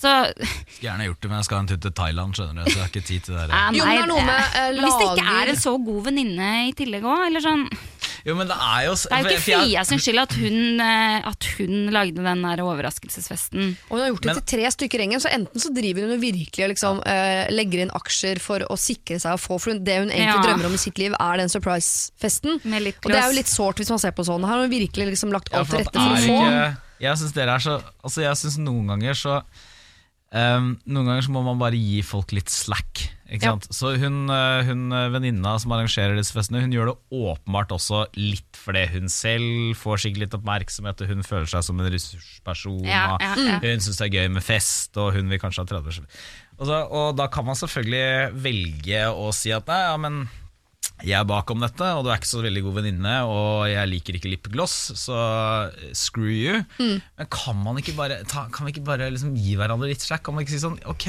det er kanskje ikke bare edle motiver, men hun gjør det jo, det er jo tross alt hyggelig tenkt Ja. da. Kan ikke vi også bare, lage vi en liten surprise-fest for henne også da? Men skal det da være cupcakes og lipgloss til alle, eller skal det være uh, vi skal gå til Ullevålseter og, og Men det er det noen som syns det er en morsom surprisefest. Ja, Altså, tydeligvis ja, altså, hvis, du går, jo, men det er, altså, hvis du leier Ullevålseter etterpå, det kan du gjøre. Eller du trenger ikke leie hele Ullevålseter, du leier en hytte ute i skauen et eller annet sted, Mm. og så går du dit, og så har du en fest. Det er lov. Men det er ikke, du kan ikke si at det er fest, nei. Vi skal gå i tre mil. Nei, men ja, så skal skal vi spise pinnebrød. Jo, vet du hva som er, hvis dere har de Nå, Dere er jo tre stykker som skylder henne fest, så Ja, dere er får jo bare en tredjedel av jobben her. Det. Men det som er gøy, er å lage litt humor på det og si sånn Nå har du gitt oss den festen du vil ha. Så derfor så skal vi gi deg den festen jeg vil ha, på tull. Og så går de av gårde inn i skogen med eh, gode sko og ryggsekk, men når de kommer fram til hytta, så er det så mye cupcakes og lipgloss Ja, at det er, man kaster opp inngangspartiet. Og Det er gøy. glitter. Det er gøy. Det er Det, liker jeg. Ja. For da får du vært trassig, men du får gitt den festen. Ja, og så som du sa, det er et veldig godt poeng. Da. Hun har jo gjort dette for tre i gjengen. Så det, man, da slår man seg sammen, og så blir det ikke så mye jobb. Det du foreslår nå, er jo litt jobb. da Fylle opp Ullevålsetet med cupcake, selvfølgelig. Men, men uh, i en eller annen variant, da, som de, hvor mye de orker, så kan de i hvert fall uh, gjøre det sammen. Og det er jo hyggelig, det. Jeg mener at det er viktig å legge til at man skal ikke føle seg forplikta til at man må gjøre det, uh, bare fordi hun har gjort det for deg først. Jeg, men jeg er enig i det, men samtidig så skal man ikke la være å gjøre det bare for å ikke gjøre det. Nei, det er ikke det, men jeg er personlig mener at jeg syns det hadde vært et skikkelig helvete å arrangere surprise party for noen. Det, jeg syns ikke sånt er gøy. Eh, Den type planlegging, orging. Jeg, jeg syns det er skikkelig masete. Ikke noe morsomt. Jeg, har liksom, jeg er nesten så jeg på en måte ber hver kveld om at jeg aldri må bli forlover for noen. eh, sånne ting. Eh, så, så, men de fleste syns jo ikke det er så styrete og skummelt og rart som jeg syns, da. Så hvis de er litt sånn på, på midten der, så klin til gjør et eller annet eh, delt på tre, da. Ja. Et eller annet klin til, gjør et eller annet. Ja, Jo, men det er jo øh, hyggelig. Ja, men hør, jeg synes Her så virker det som vi må velge mellom samvittigheten og trassen din. Jeg syns at du skal bruke samvittigheten, og du skal bruke trassen. De to må forenes Mm. og eh, lage fest sammen. Du må høre på begge to, og lage en fest som er midt mellom deg og henne. Et eller annet i hvert fall som eh, appellerer til både trass og samvittighet. God fest. Siri og de gode hjelperne. Og nå skal vi løse problemet til en som eh, ønsker at vi kaller henne for Sofie. Eh, jeg er en jente på 26 år, jeg har bodd i utlandet i snart åtte år. Nå har jeg endelig fått meg jobb i Norge, og jeg gleder meg til å komme tilbake til venner og familie. Problemet er at jeg fikk meg kjæreste for noen måneder siden, og jeg lurer på om den mentale påkjenningen av å være i et avstandsforhold kommer til å være verdt det. Her er noen tilleggsopplysninger. Punkt 1. Statsborgerskapet hans tillater ikke at han kan komme på besøk til Norge uten mye papirarbeid. 2. Jeg skal begynne i ny jobb og kommer til å være veldig opptatt framover. 3. Han og jeg jobber forskjellig, eh, til forskjellige tider på døgnet, og jeg vet ikke hvor enkelt det kommer til å være for oss å prate sammen hver dag. 4. Vi vet ikke hvilket land vi vil være i i fremtiden. Han vil mest sannsynlig være der vi er nå, altså ca. 1 12 times flytur fra Norge. Jeg vil mest sannsynlig være i Norge. Jeg har bestemt meg for å prøve så godt jeg kan å få det til å fungere innenfor realistiske rammer, og lurer på om dere har noen tips til hvor jeg skal begynne. Jeg vet at det kommer til å være dager der jeg har lyst til å slå opp og starte på et nytt og bekymringsløst liv i Norge, men jeg orker ikke tanken på å være uten han heller. Jeg håper dere har noen råd, skal få meg til å tenke klarere før jeg flytter om to uker. Takk på forhånd, Sofie. Oi, å guri. Jeg ble helt svett av å høre om. Eh, Er du imot, la meg gjette, altså rent sånn statistisk eh, basert på dagen i dag, så er du mot avstandsforhold. ja, men samtidig er det vanskelig å liksom vite det der før man har prøvd òg, da. Jeg skjønner jo at hun ser alle bekymringene. Hun ramser jo opp ganske klart og tydelig der. Eh, jeg tror i hvert fall En ting som er viktig, er at de snakker ganske godt igjennom eh, problemene som nå kommer til å komme, eh, og utfordringene de kommer til å møte på før hun flytter. Sånn at man liksom får gjort det der ryddig, og at ikke man må liksom ta alt det der på FaceTime og Snapchat. og og sånne ting. Men hva var det egentlig hun, hun lurte på hvordan hun skal løse det, eller om hun skal bli i forholdet? Jeg tror, altså det hun spør om, er at vi skal gi henne noen råd som gjør at et avstandsforhold vil fungere. Mm. jeg tror eh, mellom linjene her så ber hun om tillatelse til å bare droppe det. Men, men min eh, Altså jeg har, jeg har ikke noe direkte erfaring med sånn langvarig avstandsforhold, men mitt inntrykk det er at de har en tendens til å liksom bare forvitre. De går ikke sammen, de, de eksploderer ikke sånn at plutselig så er det slutt og man masse dramatikk. Men de bare forvitrer litt, at, eh, så plutselig så begynner man å snakke sammen litt sjeldnere på telefon, og så mailer man litt sjeldnere, og så er det en annen som du har begynt hun skulle studere, skulle hun ikke det? Nei, hun er endelig ferdig, hun har endelig fått seg jobb. Nei, hun få, få, få seg jobb, ja. Sorry. Eh, så begynner du å jobbe med en, og så er han litt interessant, og så glemmer du litt eh, den som er hjemme. Er ikke det greit, egentlig? Må man ha den store altså, For det gjør bare at altså, Hvis du har den store samtalen om et avstandsforhold, Mm. så slipper du ikke unna alle problemene. Uh, og du, du kommer egentlig ikke noe lenger. Er det ikke greit at uh, dere, du reiser ut, og så ser du litt? Og hvis du da om uh, tre måneder merker at dette funker ikke, så er det lov å slå opp på uh, ja, På Skype. FaceTime eller Skype eller noe sånt. Da. Ja, jeg, altså, I 99% av alle problemer så sier man jo sånn Her burde man snakke sammen, denne samtalen må dere ta. Men her, altså, uansett hvordan den samtalen mellom de to blir, så er jo faktaen nå engang sånn at de skal være to og en halv times flytur unna hverandre. Ja. Ja. Og det, enten går det bra, eller så går ikke det bra. Jo, jeg bare mener det at eh, hvis eh, de ikke bestemmer seg sammen for at dette skal vi klare, og prøve å få til å funke, så kommer det i hvert fall ikke til å funke. Fordi det å være i et avstandsforhold, det krever noe. Eh, Dette har hatt en lang samtale om Ronny Brede Aase Ja. i min podkast. Og det Han og sin kjæreste de var jo i et avstandsforhold i mange år, og det er jo, var jo Trondheim-Oslo. Det blir jo liksom litt det samme, en flytur unna. Og det klarte de jo, men det var jo krevende. Men de, eh, da er kommunikasjon dritviktig. Og når det er litt, eh, var det noe sånn tidsforskjell Ikke tidsforskjell, men eh, ja, De må planlegge og sette Ja, ja. av tid. Altså, jeg mener at det Torbjørn sitt råd ikke er, noe godt hvis begge to egentlig vil at det skal funke.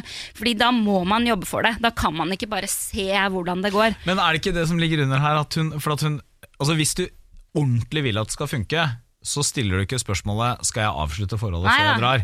Enig i det. Da, da, så, så, så det er der jeg mener at sånn kan du ikke, Er det ikke bedre da istedenfor å slå opp med han? Altså det er klart Hvis du er tøff nok til det, så kan du godt gjøre det. Og så kan du alltid si sånn Men så kan vi jo se når jeg kommer tilbake igjen, hvis hun kommer tilbake igjen. da Men er det ikke lettere da å bare dra, og så, og så hvis i det øyeblikket du merker for Du merker det ganske raskt sånn Jeg har ikke så lyst til å snakke med han så ofte som vi gjør.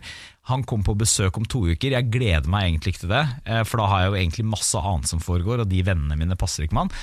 Da vet du at ok, dette funka ikke. Ja, eller sånn, ah, jeg skal jo egentlig til Barcelona og besøke ham neste sånn uke, liksom- men da er det Ja. julebord på jobben. Jeg har mer lyst til det. Ja, Er det ikke litt sånn kunstig at hvis du Jo, er litt er enig. usikker på forholdet i utgangspunktet, så trenger du ikke å gjøre forholdet til noe mer Ja, enn det det når er? det legger til grunn at hun er faktisk litt usikker fra starta, da, da, da er jeg enig. Da, da er det en fin anledning egentlig da, til å se hvor godt liker jeg egentlig eh, denne personen, og kjenne litt på det. Og hvis man da etter hvert kjenner begge to at dette er noe vi virkelig har lyst til å jobbe for, da må man eh, ta, ta mitt Ja. råd da, og Ronny Bredåse sitt råd. Da må man begynne å jobbe og finne ut av ok, eh, nå må vi planlegge og hvordan skal vi gjøre dette her. Og da vil jeg bare legge til et eh, viktig råd fra Ronny der. Da. Det var å reise mye på, på ferie sammen. Korte helgeturer og sånn. At det, det var visst, eh, er visst veldig viktig, da. Ja. At man planlegger litt ferieturer eh, sammen og sånne ting. Det høres ut som det som er viktig, er at den tiden dere da får sammen, den må dere bruke godt. ja. Ikke sant? Hvis de bestemmer seg for å satse. Ja. Og ikke legge opp altså, Du må leve livet ditt fullt der du er, og ikke med tanke på det som skjer hjemme. Altså, mener jeg ikke at du skal være utro, eller noe sånt, altså, det er ikke det jeg mener. Men jeg mener sånn du kan Ikke dropp julebordet for å sitte hjemme og Nei, ikke skype ikke- med ikke sant, Enrique, det. liksom. Ikke si sånn nei, jeg kan ikke på kino, jeg skal skype med kjæresten min. Nei, måte. Du er nødt til å faktisk leve der du er, Ja. og så må dere snakke sammen når dere har tid til det. Ja. Lev eh, livet ditt så godt du kan her hjemme i Norge, Sofie. Velkommen hjem, forresten. Eh, håp og ønsk at det går bra. Treff han når du kan, og utnytt tida eh, som best som mulig. Men når du eh, merker, hvis du merker at det begynner å forvitre, at du har mer lyst til å dra på julebord enn til Barcelona med typen, eh, da må du stikke fingeren i jorda og se om ikke det er på tide å gjøre noe. Siri og de gode hjelperne.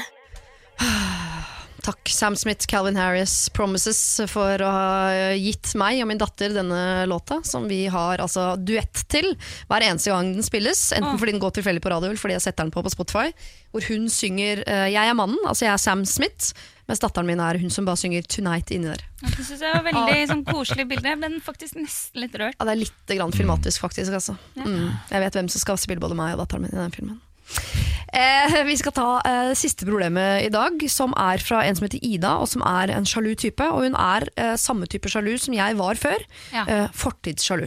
Det er snakket mye om her i Siri og de gode hjelperne at fortidssjalusi er en gren innenfor sjalusi som handler om at eh, man ikke liker at den man er sammen med har en fortid, for man vet aldri om fortiden Betydde den mer? Det samme? Betyr det du sier til meg, har det det hele tatt noe verdi hvis du har sagt det før? Hvis du har sagt det før og sier det til meg, så betyr det at du kan si det igjen til enda en person, osv. Eh, Alt dette er jo eh, reelt, eh, men det gjelder jo begge, og man må bare liksom, eh, på et eller annet tidspunkt legge det bort. Ida. Hun eh, er eh, kjæreste med en gutt, vært sammen i ett og et halvt år. Eh, de studerer sammen. Eh, I klassen til eh, Ida, eller i hvert fall på samme skole, så går det også en eh, jente som heter Trude. Eh, Som Ida er blitt venninne med. Men det, eh, altså hun oppdaget ganske tidlig, eller fikk vite tidlig, at Trude og Thor, typen hennes, har en fortid. En kort periode, useriøs kort periode, hvor de to data. Og det har ikke plaga Ida sånn veldig.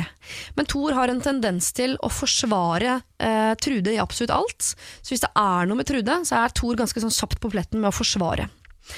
Eh, men nå har heldigvis Trude også fått seg en kjæreste, som er en venn av Thor.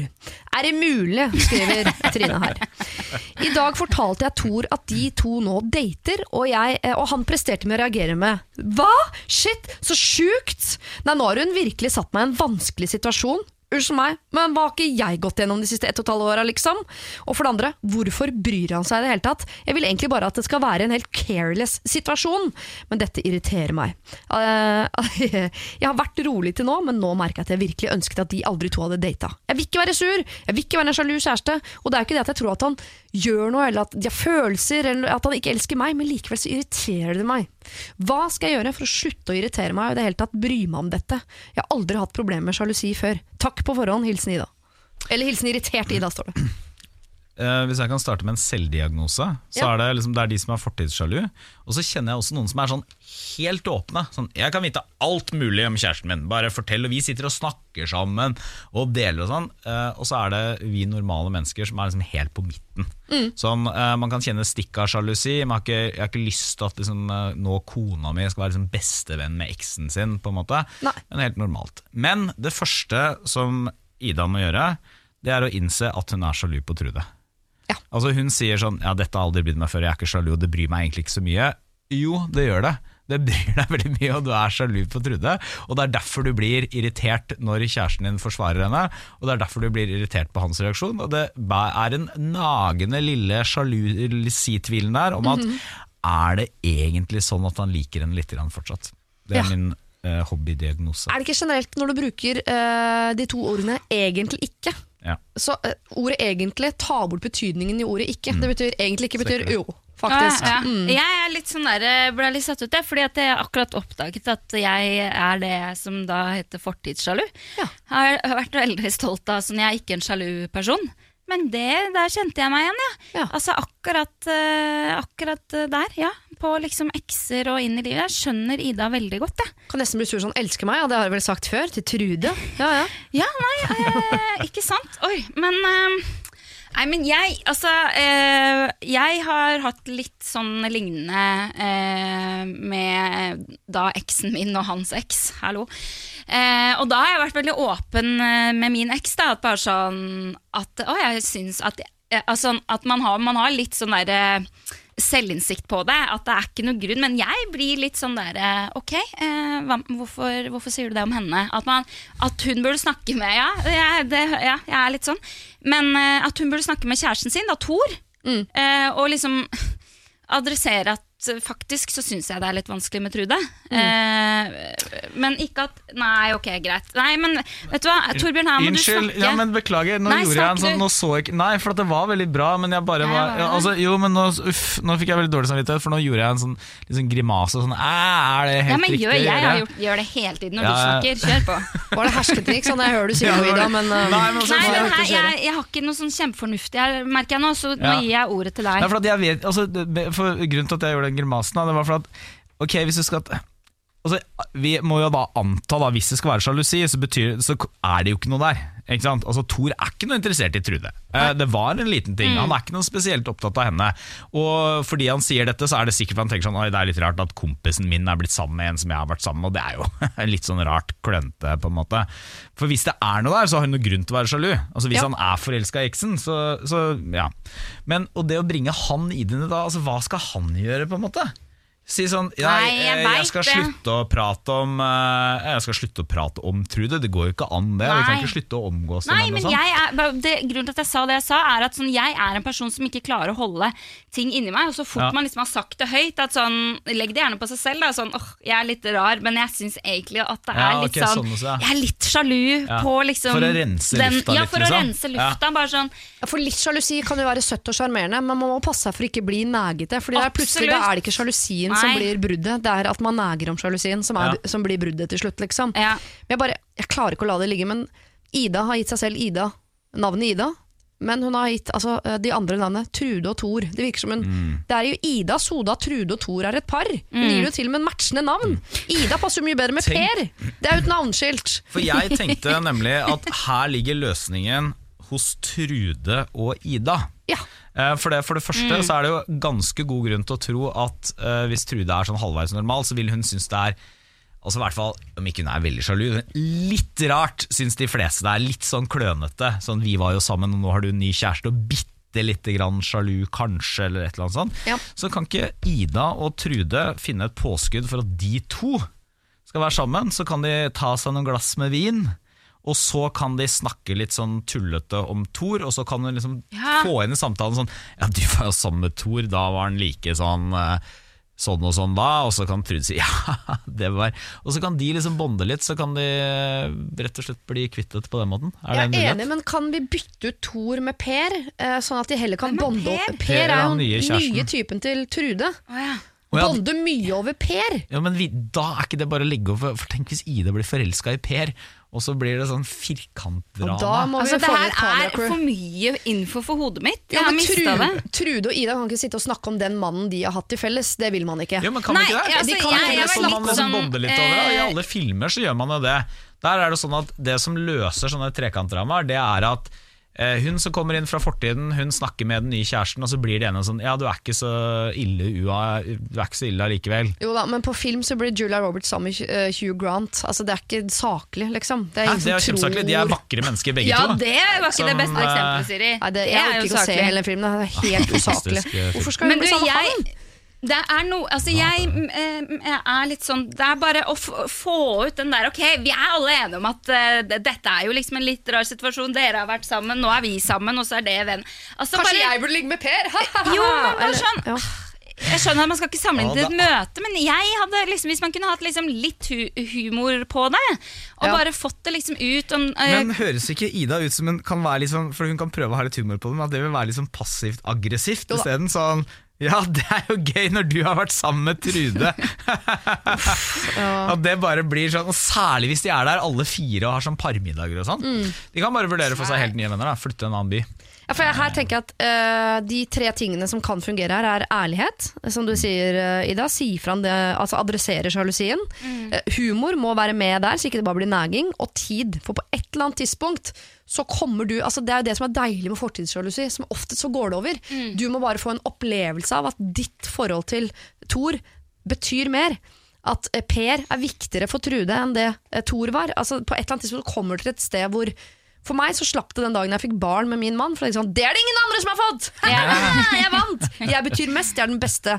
Uh, jeg tror På et eller annet tidspunkt så kommer hun dit med typen sin. mm, Så ja. enten eh, Kanskje du Slutt skal med begynne med p-piller. ærlig- Det er egentlig rådet herfra. ærlighet og humor og tid tror jeg er de to, tre tingene vi trenger her, Ida. Og får du det ikke til, så er det flytting eller brudd. Ja. Eller at uh, ja, sånn utsette andre for ulykke, eller det er så mye som Nei, skjer i det. Nei, Jeg det mente stopper jeg dere ikke, der. det var en spøk. Jeg stopper dere der. Siri og de gode hjelperne. Nå har vi kommet dit i Siri og de gode hjelperne at eh, Ida og Torbjørn eh, og jeg eh, snart skal eh, dra hjem. Hvert til vårt, vil jeg tro. Men før eh, vi kommer så langt, så skal jeg dele ut noen eh, handlenett med noen, eh, en liten sånn eh, koselig beskjed på. Eh, og i dag så har jeg tenkt til å dele ut som vanlig til alle som allerede har fått hjelp av eh, oss som er her. Det vil si at du, Rakel som vi kalte deg, som er en stalker i ditt eget eh, bokollektiv, du skal få et uh, handlenett. Eh, Hanne, du som lurte på om du måtte gi opp drømmen om barn. Fordi eh, din kjæreste tror han ikke vil ha, men du tror du vil ha. Du skal få et eh, handlenett. Så skal jeg sende et handlenett til eh, deg, 21 år gamle jente som eh, for et halvt år siden hadde en affære med en mann som ikke du klarer eh, å glemme. Nissejenta, du som bare gir og aldri får, du skal selvfølgelig også få denne gangen, og du får i likhet med alle andre dette handlenettet, da. Thea, som lurer på om en slem mor blir en slem mormor. Du skal få et handlenett. I tillegg gir jeg selvfølgelig også til Nå føler jeg meg sånn på TV som gir sånn I tillegg får du en gryte, og du får en kniv. Men eh, jeg vil bare si at alle får handlet. Også du, Ida, som er fortidssjalu, og som er lei av at typen din eh, fortsatt eh, støtter eh, dama som han hadde en liten fling med for noen år siden, som også tilfeldigvis er din venninne. Eh, du som eh, vi har bedt om å arrangere surprise party for ikke din nærmeste venninne, fordi hun gjorde det for deg. Du skal få et handlenett.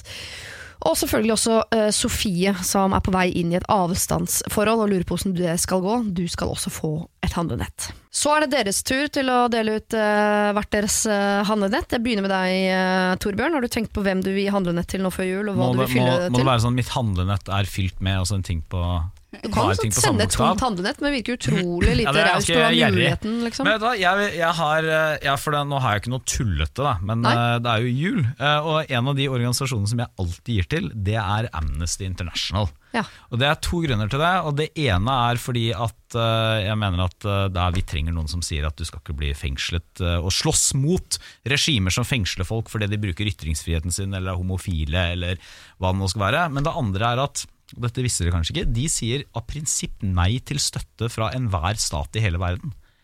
Eh, For det, og selv fra Norge, for at de vil ikke ha noen bindinger til norske myndigheter, sånn at de skal kritisere helt fritt, så de finansieres rett og slett bare av eh, donasjoner og gaver. Men Så Kan de da ta imot fra deg, eller er det for tett opp jeg mot tror, ja, de har gjort det fram til nå, i hvert fall. Ja, Så, men da kan du ikke få et handlenett med bananer, da, men de, hva. de kan få et handlenett med eh, eh, papir og penner. Ja. For det er jo sånn Amnesty startet, det var å skrive brev for å slippe samvittighetsfanger fri.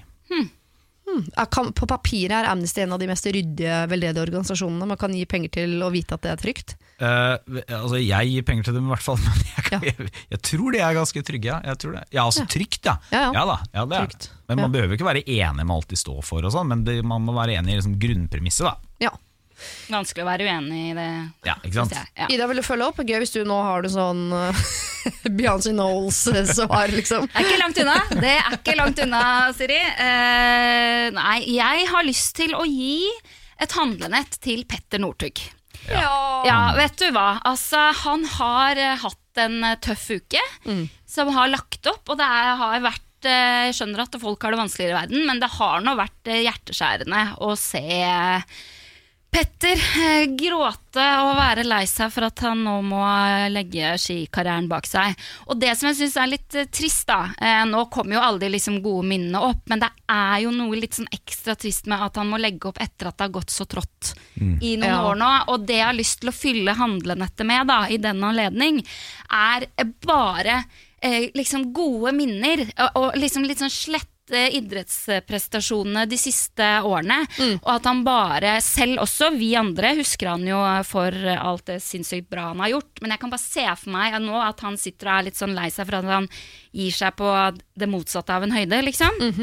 Jeg ble nesten litt sånn emosjonelt engasjert. det er Nei, at han skal sitte altså at han skal huske det, alt er bra, også nå, eh, før det har gått litt tid. Eh, Og bare eh, fylle det også med bare masse kjærlighet fra det norske folk. Og også eh, gode forslag eh, til hva han nå kan bruke tiden sin med. Eh, gode, på, eh, gode ideer på hvor han kan reise. Thailand i jula, eller? Ja, for eksempel. Altså, det kunne jo da det, det kunne jo også vært med en invitasjon til å feire jula i Thailand med meg. Ja. Du, forresten, sånn apropos, ha, er det sant det at han har kjæreste, eller ikke? Jeg lurer på om det det var noen som deg. vet? Jeg vet ikke. Nei, det er ikke meg. Jeg vet Nei. ikke. Nei. Jeg vet ikke, jeg har ikke noe inside der, men jeg regner med å få det snart. Ja, ja for da, Hvis han ikke har kjæreste, så kunne jeg også slengt med oppi nettet en liten dateinvitasjon. Liten dateinvitasjon der, ja. Det er koselig å få sånn uvitende på døra. Dere, eh, tusen takk for all den gode hjelpen dere har gitt i dag. Eh, tusen takk for at dere har gitt bort eh, både datingkort og penn og papir og i det hele tatt. Eh, og det siste jeg vil si til dere før dere får lov til å gå hjem, er god jul. God jul! Siri og de gode hjelperne.